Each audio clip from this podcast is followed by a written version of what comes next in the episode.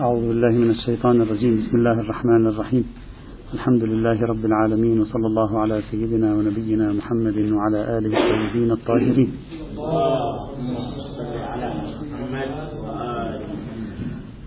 ننتهي اليوم بإذن الله تعالى من المتابعة التاريخية المختصرة التي ابتدأناها فيما يتعلق بنشوء وتطور نظرية مقاصد الشريعة في الوسط السني. لننتقل إن شاء الله تعالى لاحقا إلى الموقف من هذه النظرية وفروعها وتشقيقاتها في الوسط الشيعي الإمامي إن شاء الله. فيما يتعلق بالنقطة الأخيرة سأسميها المقاصد في العصر الراهن يعني خلال الثلاثين سنة الأخيرة. بعد الجيل المقاصدي الأول في العصر الحديث آه، محمد عبده ورشيد رضا جمال الدين القاسمي وغيرهم من الذين يعني طرحوا أفكار المقاصدية في ثنايا كتبهم. وبعد جيل المنظرين الأول أيضا مثل ابن عاشور وإلى حد معين علال الفاسي إلى حد معين. بعد ذلك يعني من سنة تقريبا 1980 إذا صح التعبير إلى يومنا هذا يعني تقريبا 40 سنة تغير الموضوع المقاصد. يعني لم تعد الأمور كما كانت في السابق يأتيك عالم يبحث في القضية عالم آخر. الآن تحول موضوع المقاصد في الدراسات الشرعية السنية إلى مادة درسية في جميع الجامعات تقريبا. وتدرس وتبحث وتكتب فيها رسائل الماجستير وأطروحات الدكتوراه وتصنف فيها الكتب وتكتب فيها المقالات. ربما تقريبا إذا لم أبالغ يوجد مئات من الكتب. هذا في الحد الأدنى فقط في اللغة العربية أتكلم في الوسط السني فقط. مئات من الكتب التي كتبت خلال هذه الأربعين سنة في نظرية المقاصد في تشعبات هذه النظرية. صرف النظر عن قيمة الكتب عن عمق هذه الكتب ما أتكلم الآن في تقييمها في عددها في حضورها. اليوم بعد لا تستطيع أن تقول فلان أخذ فلانا أو أخذ فلانا وأقيمه. اليوم صار مشهد كامل. وهناك تيار كبير واسع بدأ يكتب في هذا الموضوع يتسابق على الكتابة في هذا الموضوع. سابقا كنا نرى البحوث المقاصدية نادرة الآن صارت البحوث المقاصدية كثيرة. بصرف النظر عن المفاضلة في العمق وفي الدقة في هذا المجال. لكن أغلب هذه البحوث لم أقل يعني يمكن ربما 98% منها بحسب تتبعي واطلاعي أغلبها إما يرصد نظرية المقاصد تاريخيا فقط أو يرصدها مثلا في حقبة زمنية معينة أو يدرس نظرية المقاصد عند شخصية معينة.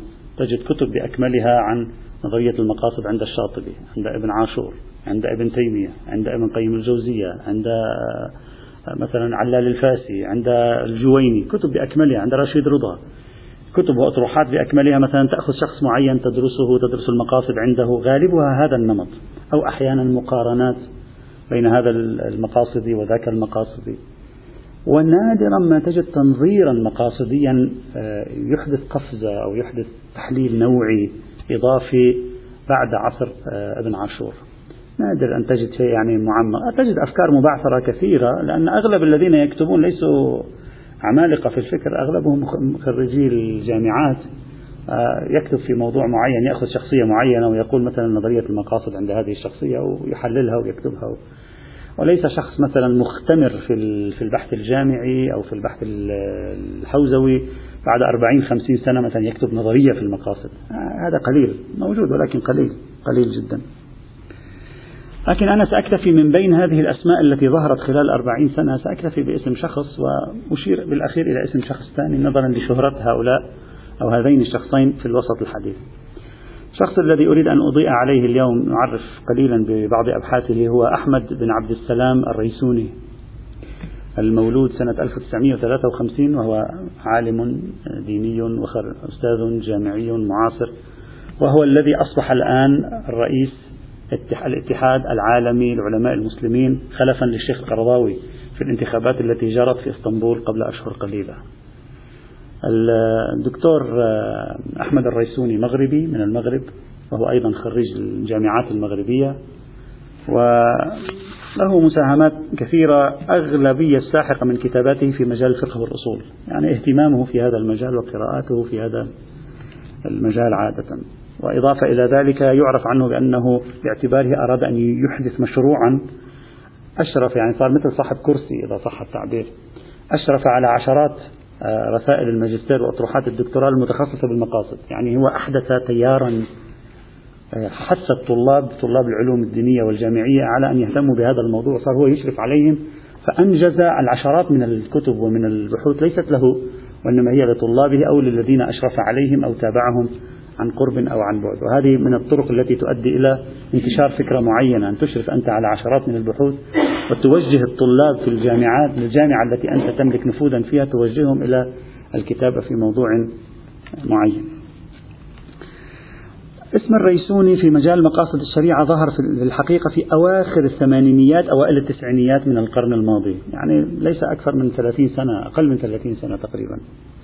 أواخر الثمانينيات أوائل التسعينيات من القرن العشرين من القرن الماضي ظهر اسمه بعد أن أصدر في أوائل التسعينيات أصدر المعهد العالمي للدراسات الإسلامية أو العلوم الإسلامية أصدر كتابه نظرية المقاصد عند الإمام الشاطبي. هو أول كتاب له وهو من الكتب التي أعطته شهرة كتاب مستقل في قرابة 500 صفحة تحت عنوان نظرية المقاصد عند الإمام الشاطبي طبعا هذا الكتاب ترجم إلى الفارسية بالمناسبة لكن لم يترجم بعنوان مقاصد وإنما ترجم على ما أظن أهداف الدين. أهداف الدين كذا ترجمه الدكتور السيد حسن إسلامي. آه، لا أدري لماذا لم تستخدم كلمة المقاصد ربما لحساسيتها في الوسط هنا فلم يشأ يعني أن لا أدري أنا لم أقرأ الكتاب بالفارسية أصلا يعني لعل المترجم لأن المترجم ضليع أنا أعرفه شخصيا فضليع ولا أظنه اشتبه علي ومتعمد لاستخدام هذه المفردة. ربما مجاراة لطبيعة الوضع هنا أن كلمة المقاصد كلمة سنية وبالتالي إذا قلت المقاصد يعني تم الحكم عليها بالموت شنقا مسبقا مثلا. ربما تخوف من هذا الأمر فاستخدم تعبير أهداف الدين باعتبار أن مفردة أهداف الدين رائجة هنا ومتداولة وتداولها العديد من الباحثين خلال السنوات الأخيرة. طبعا الكتاب ليس فقط ترجم للفارسية ترجم للأردي أيضا للأردو أيضا ترجم للإنجليزية. الكتاب أخذ شهرة كبيرة. أصلا الرجل اشتهر بهذا الكتاب. يعني هذا الكتاب لأنه كان من أوائل الدراسات التي درست الشاطبي بطريقة أكاديمية آه، ممتازة. فأخذ شهرة في هذا الكتاب. و بعد ذلك صنف عدة كتب في مقاصد الشريعة. أنا سأذكر أهم كتبه في مقاصد الشريعة الإخوة الذين يريدون آه، مطالعة آه، شيء من كتبه أو دراسة أفكار الريسوني. هذه الكتب هي أهم كتب. الذريعة إلى مقاصد الشريعة. طبعا كثير من كتبه صغيرة 150 صفحة ممكن تكون 200 صفحة 85 صفحة أحيانا. الذريعة إلى مقاصد الشريعة. الكتاب الثاني الفكر المقاصدي قواعده وفوائده. الكتاب الثالث مدخل إلى مقاصد الشريعة. الكتاب الرابع مقاصد المقاصد. يعني ما الذي نريده من وراء المقاصد؟ مقاصد المقاصد. يمكن يجي بعدين واحد يكتب حاشية عليه. مثلا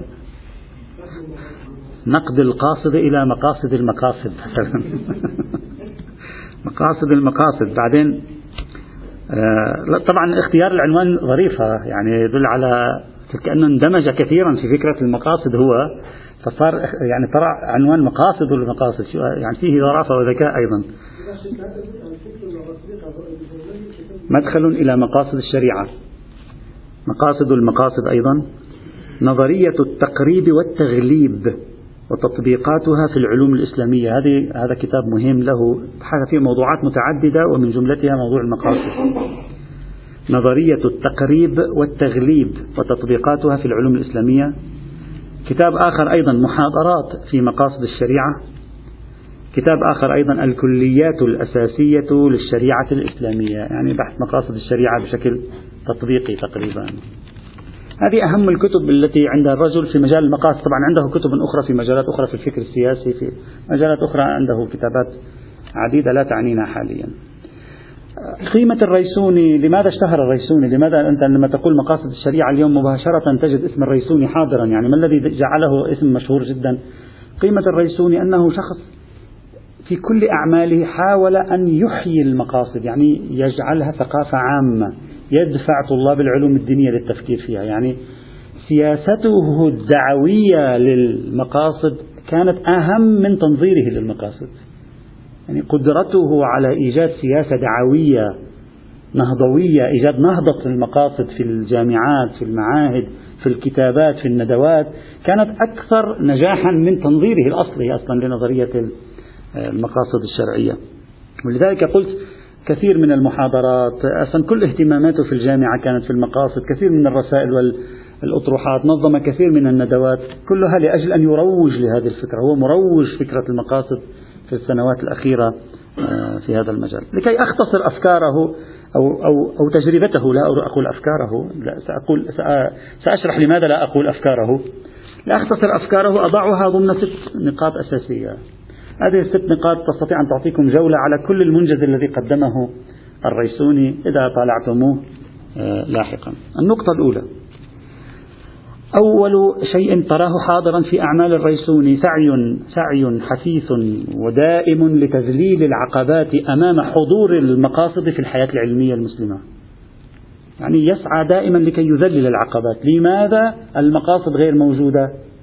مثلا المقاصد غير موجودة لأنهم يخافون من الأمر الفلاني، فهو يبحث في الأمر الفلاني كي يقول لهم لا تخافوا منه، افتحوا الطريق أمام المقاصد. اشتغاله الأساسي هو في أن يقنع الحواضر العلمية الجامعات طلاب العلوم المتعلقة بالفقه والحقوق أن يقنعهم بأن نظرية المقاصد ضرورة فيها فائدة ليست مقلقة ليست مخيفة تعالوا لنستقبلها تعالوا نرحب بها ففي أكثر كتبه تجد هذا حاضرا وبشكل واضح. ولهذا هو مهتم بشيء هو يسميه التقريب للمقاصد. يعني هو تقريبي يقول أنا تقريبي لكن ليس تقريبي بين السنة والشيعة. تقريبي بمعنى أنني أريد أن أقرب المقاصد من الحياة العلمية اليوم وأقرب الحياة العلمية من المقاصد. فهو تقريبي يريد أن يوفق يريد أن يعيد حالة المواءمة والانسجام بين المشهد العلمي في الجامعات والمعاهد الدينية السنية وبين المقاصد. هذا هدف واضح وجلي عنده. ولذلك تجد دائما يتكلم عن فوائد المقاصد. يعني دائما في أكثر بحوثي تجد عنده عنوان فوائد المقاصد غايات المقاصد النتائج الإيجابية للمقاصد. ما الذي تعطينا إياه المقاصد وتقدمه لنا من خدمة في زماننا اليوم؟ فيحاول أن يضيف إلى المقاصد رصيد إيجابي حتى يتشجع الطلاب. نعم المقاصد أمر مقبول جميل. دعونا نستقبله بشكل أو بآخر. ولهذا طبعا يذكر الريسوني كثيرا أمثلة على أننا لو لو تتبعنا لو مارسنا التفكير المقاصدي ممكن أن نخرج من بعض المشاكل. ممكن أن نخدم الدين أيضا. هذه طريقة كثيرا ما يركز عليه سواء في المجال ما فيه نص أو ما ليس فيه نص. هذا الأمر الإضافي أيضا بعدنا في النقطة الأولى. الأمر الإضافي في هذا السياق أيضا أنه يهتم كثيرا في الجوانب الميدانية للمقاصد. يعني يقول لك ما فائدة المقاصد في إيمان الفرد المسلم اليوم؟ يعني إذا الفرد المسلم ربيناه على ثقافة المقاصد سيرتفع مستوى إيمانه سيصبح إيمانه أكثر نضوجا لن يصبح إيمانا سطحيا ويأتي بشواهد ويحاول أن يقنعنا أن أننا لو نشرنا الثقافة المقاصدية في الحياة المسلمة المسلم سوف يصبح إيمانه واعيا المسلم سوف يصبح إيمانه ناضجا ولن يكون إيمانا يعني جامدا. كذلك يتكلم عن تأثيرات حضور المقاصد بالنسبة إلى الدعوة الدعوة يعني المبلغين. كلما ربينا المبلغين على الثقافة المقاصدية كانت قدرتهم على التأثير في المجتمعات الإسلامية أكثر ويدعي ذلك ويقول عندي أدلة كذا كذا يعطي يعني معززات لهذه الفكرة. كلما بنيت ثقافة الدعاة ثقافة المبلغين على طريقة تفكير مقاصدية كانت قدرتهم على التأثير في المجتمعات أكثر وقدرتهم على تقديم الدين للمجتمعات بطريقة أفضل وجذب الناس إلى الإيمان بطريقة أحسن. وكلما ابتعدوا عن الثقافة المقاصدية قدموا الدين بطريقة جافة مثلا أو بطريقة غير مستحسنة إلى آخره. كذلك يذكر لنا فوائد المقاصد في السياسة الشرعية. يحاول طبعا باختصار. ما فائدة المقاصد في إدارة السلطة في عمل ولي الأمر في آه، آه، إجراء السياسة الشرعية؟ كيف تنفع المقاصد العاملين في المجال السياسي؟ يذكر ذلك أيضا باختصار كذلك.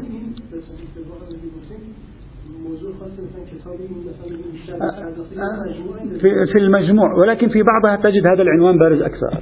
طبعا هذه الكتب بينها تكرار فليكن في علم, علم. يعني بينها تكرار وتداخل كتبت بمراحل معينة وتداخلت مع بعضها وأحيانا تجد نفس الموجود في هذا الكتاب مثلا في الفصل الأول موجود في ذاك الكتاب جزء منه مثلا في الفصل الرابع. هذا تجده طبيعي يعني. وهذا الذي جعله يصنف كتاب مقاصد المقاصد حتى يقول ما الذي نريده ما الذي نبتغيه؟ لماذا نحن نحتاج اليوم إلى المقاصد يريد أن يقنع. واضح هو أن أمامه مجتمع علمي ليس مقتنعا كثيرا بالمقاصد ليس حاضرة عنده ليست حاضرة عنده المقاصد فيقول لهم لا تعالوا المقاصد جيد يريد أن يقنعهم. يبدو حتى المجتمع السني ليس كثير متقبل المجتمع العلمي متقبل لحركية فكرة المقاصد. يريدها أن تكون أوسع حضور هذه أول سمة تتسم بها مجموعة أعمال الريسوني فيما يتعلق بمقاصد الشريعة. ولذلك يمكنني أن أدعي بأن الريسوني مهندس تعليمي جيد. يعني كتبه تعرفون لا أدري الإخوة إذا طالعوا كتب الكتاب المغاربة والجزائريين والتونسيين. اللغة العربية في المغرب العربي لغة لها بنيتها الخاصة. وكثيرون حتى من عرب المشرق لا يفهمونها لأنها صعبة ولها تركيبة خاصة ولها بنية بلاغية خاصة ولها مصطلحاتها الخاصة ولها تفعيلتها الخاصة أيضا. فلذلك قد تكون صعبة. متوقع من الريسوني أن يكون كذلك لكن أبدا ليس كذلك. يفاجئك عندما تجد لغة بسيطة. مت... كأني به متعمد أن يبسط الموضوع إلى أبعد الحدود حتى يوصله إلى أبعد مدى ممكن. كأنه لا يريد أن يوصله إلى العلماء.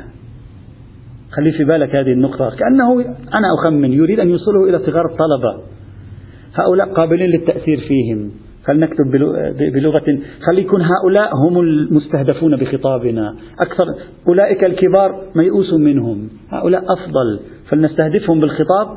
أولئك سيذهب جيلهم. سنكون نحن قد بنينا جيلا آخر. فلذلك تجد بنية كتبه تعليمية تبسيطية توضيح مفردات أحيانا. كأنما النظرية غير معروفة في الوسط. يريد أن يوضحها للناس. هذه تجدها واضحة في خدمة مشروعه في تذليل العقبات وحضور النظرية في المجتمع. العلمي ولذلك يؤسس قسما يسميه قواعد التفكير المقاصدي. يعني كأنما يريد أن يصب التفكير المقاصدي في قالب قواعد. فمثلا كل أبحاث المقاصدية ليست كلها بعضها يصبها على شكل قواعد. مثلا قاعدة التعليل درسناها. قاعدة لا تقصيد بدون دليل يعني لابد أن تدعي هذا مقصد لازم تجيب دليل. قاعدة ترتيب المصالح والمقاصد هم بيجيب الضروريات والحاجيات وإلى آخره. قاعدة التزاحم قاعدة التمييز بين المقاصد والوسائل. كل هذه موجودة عند المقاصدي من قبل. لم يضف شيئا. لكن يرتبها على شكل كأنما يريد أن يوصلها على شكل منظم. مثلا يقسم المقاصد إلى كلية عامة للشريعة كلها وخاصة لباب ما وجزئية لحكم ما. قسم تقسيم ثلاثي. هذا فيه هذا التقسيم أيضا واضح أنه يريد أن يقرب الفكرة يوضحها للمتلقي. هذه الخطوة الأولى التي قام بها. الخطوة الثانية التعريف برموز المقاصد والوضع التاريخي لنظرية المقاصد. أصلا أول كتاب من كتبه هو نظرية المقاصد عند الشاطبي. يعني أول من كتاب أول عمل له تعريف رموز المقاصديين للمجتمع الإسلامي اليوم للحواضر العلمية الإسلامية اليوم. فلذلك تجد دائما يتكلم عن الشاطبي يعرفنا دائما بأفكار الشاطبي يعرفنا بأفكار ابن عاشور يعرفنا بأفكار آه، الترمذي حتى هو الذي ادعى هو من الأساسيين الذين ادعوا بأن نظرية المقاصد موجودة قبل الجويني. وذكر الترمذي والقفال تتذكروا ناقشناه نحن قلنا هؤلاء ليسوا مقاصديين هم أقحمهم. يريد أن يقول نظرية المقاصد لها تاريخ عريق. يريد أن يرجعها إلى تاريخ يعني عمق استراتيجي تاريخي. لماذا؟ لأنك كلما قلت هذه النظرية لها تاريخ تصبح متقبلة أكثر أيضا. وتصبح معروفة أيضا أكثر بالنسبة للطلاب. فهو شارح لرموز التفكير المقاصدي وأفكارهم وتطور نظرية المقاصد تاريخيا. كل ذلك باختصارها. لا تتصور القضية موسعة ومطولة. يعني يمكن نحن ما بحثناه هنا في تاريخ نظرية المقاصد.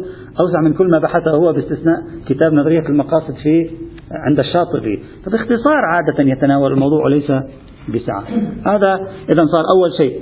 تعريف المقاصد للمجتمعات العلمية الإسلامية.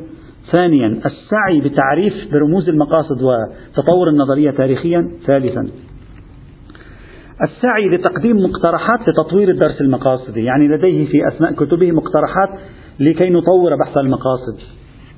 مثلا يتكلم عن شيء هذا أول مرة أنا أراه.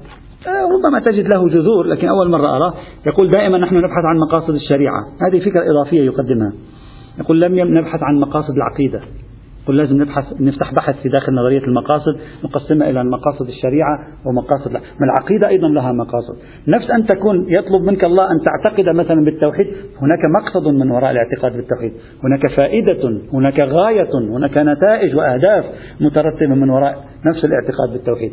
فبدل أن يقتصر في بحوثه على مقاصد الشريعة فتح بابا اقترحه هذا أول مرة أشوف هو مقاصد العقيدة. وقال العقيدة أيضا الدين ليس فقط شريعة كما أن الله له مقاصد من وراء الشريعة له مقاصد أيضا من وراء العقائد. وكذلك فتح بحث تحت عنوان مقاصد القرآن مقاصد السنة وهكذا. الأمر الرابع الذي فعله التحذير من النزعة الإفراطية المعاصرة في المقاصد. الريسوني صحيح أنه متحمس جدا للمقاصد وداعية مقاصد أنا أسميه داعية مقاصد. لكن في الوقت عينه شديد على أولئك الذين يريدون استغلال نظرية المقاصد للإطاحة بالشريعة. يعني جزء أصلا من أعمالي في نقد هؤلاء الناس. ماذا أعني من ذلك؟ يقول يوجد جماعة يسميهم هو طبعا ليس هو صاحب هذه التسمية. هذه التسمية هو يقول صاحبها الشيخ القرضاوي. يسميهم الطوفية الجديدة. هكذا يعبر عنها. الطوفية الجديدة يعني جماعة الطوفي لكن اليوم. الذين يقدمون المصلحة على النص. ويقول هؤلاء بالغوا في أنهم مقاصديين أن على أساس تحت شعار المصلحة والمقاصد بالغوا حتى أنهم بدأوا يطيحون بالنصوص والأحكام الشرعية. هذا مرفوض. يقول لا, أقبل بهذا. الأحكام مطلوبة والمقاصد مطلوبة. توجد علاقة بينها لكن لا إلى حد نضحي بالأحكام الشرعية. كلما واجهنا مشكلة معينة بحجة مثلا أننا مقاصديين مثلا. هذا لا يقبله مثلا. مثلا من نماذج ذلك يركز على فكرة في بعض كتبه يقول هناك مقاصد معنوية للشريعة. هؤلاء الإفراطيون يظنون أن الشريعة يجب أن تكون خادمة للمقاصد المادية فقط. فإذا رأوا هذا كلامه أن الصوم يضر بالاقتصاد قالوا انخرم المقصد مع أن الصوم ليس مقصده فقط. الصحة البدنية حتى تحاسبه بمعيار مادي اقتصادي. وإنما الصوم أيضا له مقصد ثاني وهو مقصد معنوي. وعليك عندما تدرس المقاصد أن تبحث في المقاصد المادية والمقاصد المعنوية.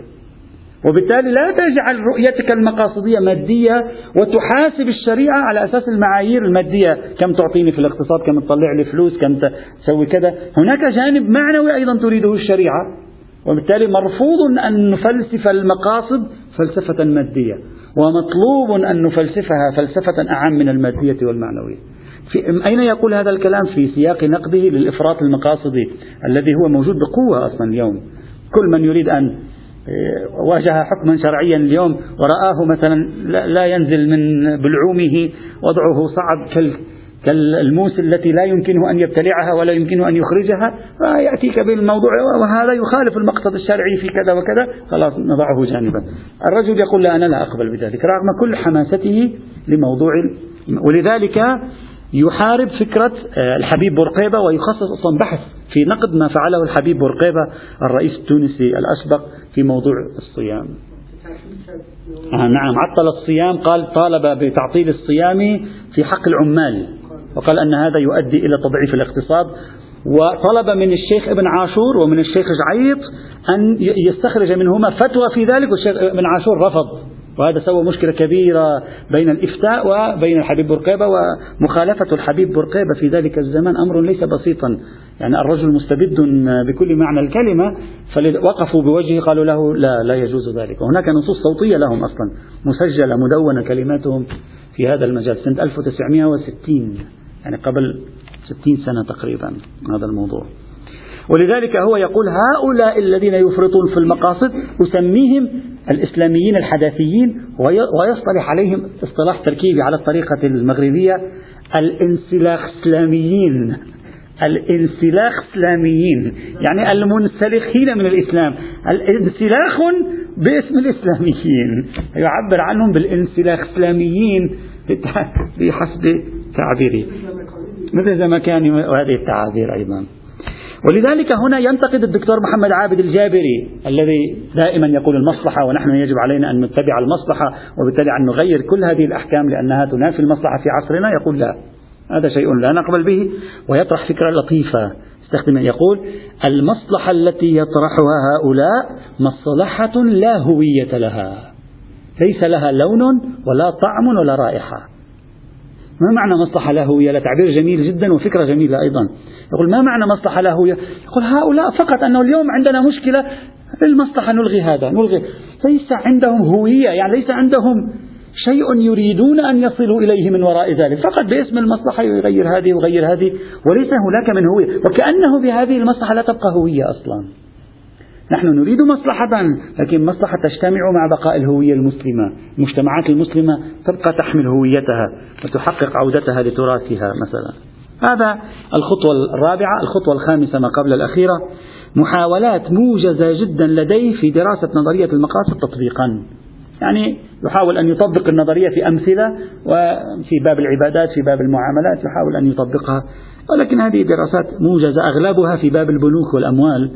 يحاول أن يطبقها. لكن الشيء اللطيف عنده أنه يعني يبحث في تقسيم المقاصد تعليل الشريعة الاستقراء مقاصد المكلفين المصلحة المرسلة سد الذرائع فقه الأولويات جلب المصلحة ودرء المفسدة. كل هذه أيضا يبحثها ولكن أيضا بطريقة مختصرة غالبا ليس فيها إضافات يعني عميقة وأساسية. النقطة الأخيرة بعض الإضافات الفكرية. يعني عنده بعض الإضافات التي يختلف فيها مع المقاصديين. أهم إضافة يختلف فيها هو مع المقاصديين فكرة مقاصد العبادات. يرفض جدا أن نقول يجب أن نخرج العبادات من دائرة المقاصد. وليس فقط يدعي بل يؤكد ذلك يجيب شواهد. يقول العبادات مثل مثل المعاملات. الصوم في آيات تدل فيه على التعليل. صلاة في آيات تدل فيه على التعليل. الحج لماذا هذا التعليل لا تقبلون؟ تلك التعليل لا تقبلونه يقول العبادات كالمعاملات يمكن بالعقل المقاصد أن نلج فيها. وهذه دعوة أن العبادات منطقة محرمة على التفكير العللي أو التفكير المصلحي أو التفكير المقاصدي هذه مرفوضة. ويكثر من الشواهد والأدلة الروائية والحديثية في هذا الموضوع. هذه بصورة موجزة الخطوات التي قام بها. يعني من أراد أن يتعرف بخطوة أولى على نظريات المقاصد بشكل مبسط ممكن يبدأ من الريسوني فهو يسهل لك الطريق يوضح لك المفاهيم آه، آه، يعني إلى أبعد الحدود وممكن بعدها أنت ترجع إلى الكتب والأمهات المصادر الأصلية. بعبارة مبسطة توصيفي للدكتور ريسوني هو شارح مبسط مقرب منظم مدافع عن المقاصدية ضد خصومها وضد مستغليها. هذا توصيفي الذين يستغلونها لأجل الإطاحة بالهوية الدينية. مفرطين إفراطيين.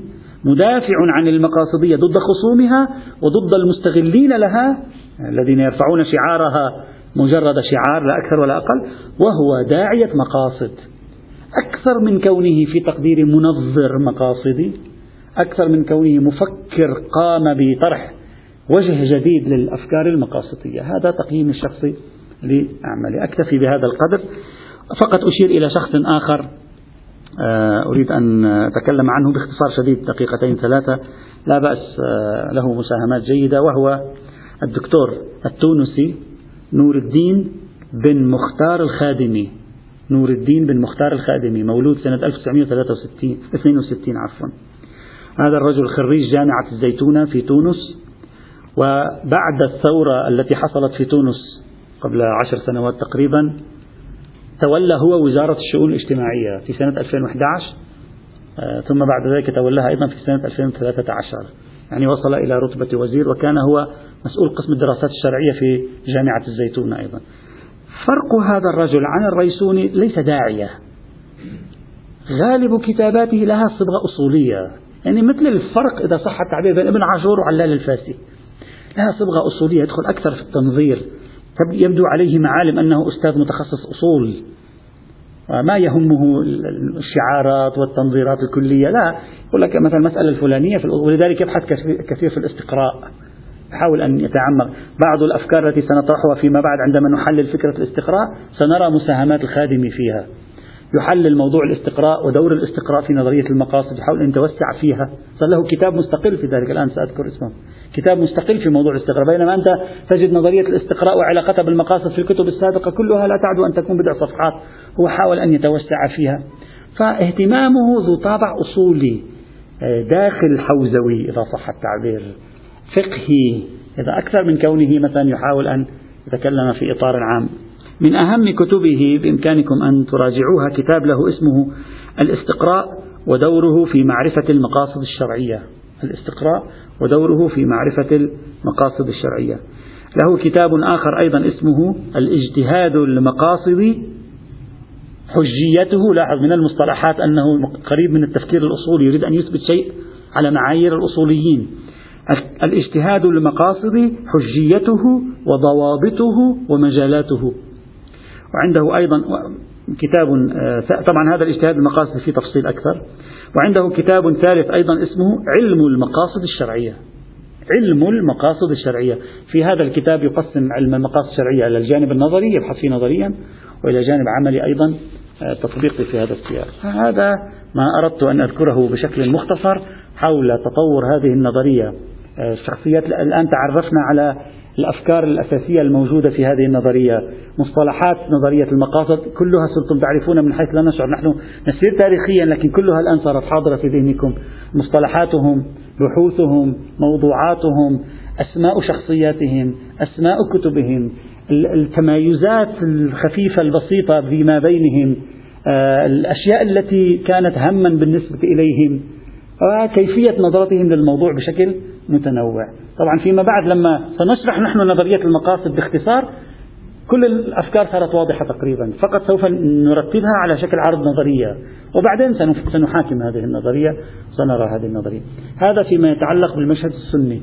أما فيما يتعلق بالمشهد الشيعي وموقف الشيعة الإمامية بالخصوص يعني أتكلم من المقاصد وأمثال المقاصد سلبا إيجابا في الجملة بالجملة سوف نبحثه إن شاء الله تعالى بعد العطلة التي ستبدأ من اليوم إلى يوم الاثنين خمسة فروردين إن شاء الله.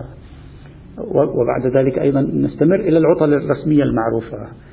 سنضطر أن نعطل يعني ابتداء من غد يعني غدا الخميس إلى الاثنين تقريبا الخميس يعني تقريبا 12 يوما تقريبا ونرجع يوم الاثنين إن شاء الله تعالى. إذا يوجد أحد في يوم الاثنين. لا أدري. إذا كان سيوجد أحد يوم الاثنين أو لن يوجد على أي حال. هذا أرجو أن يكون صحيح أطلنا قليلا في هذا الموضوع لكن لا بأس لكونه غير معروف لدينا.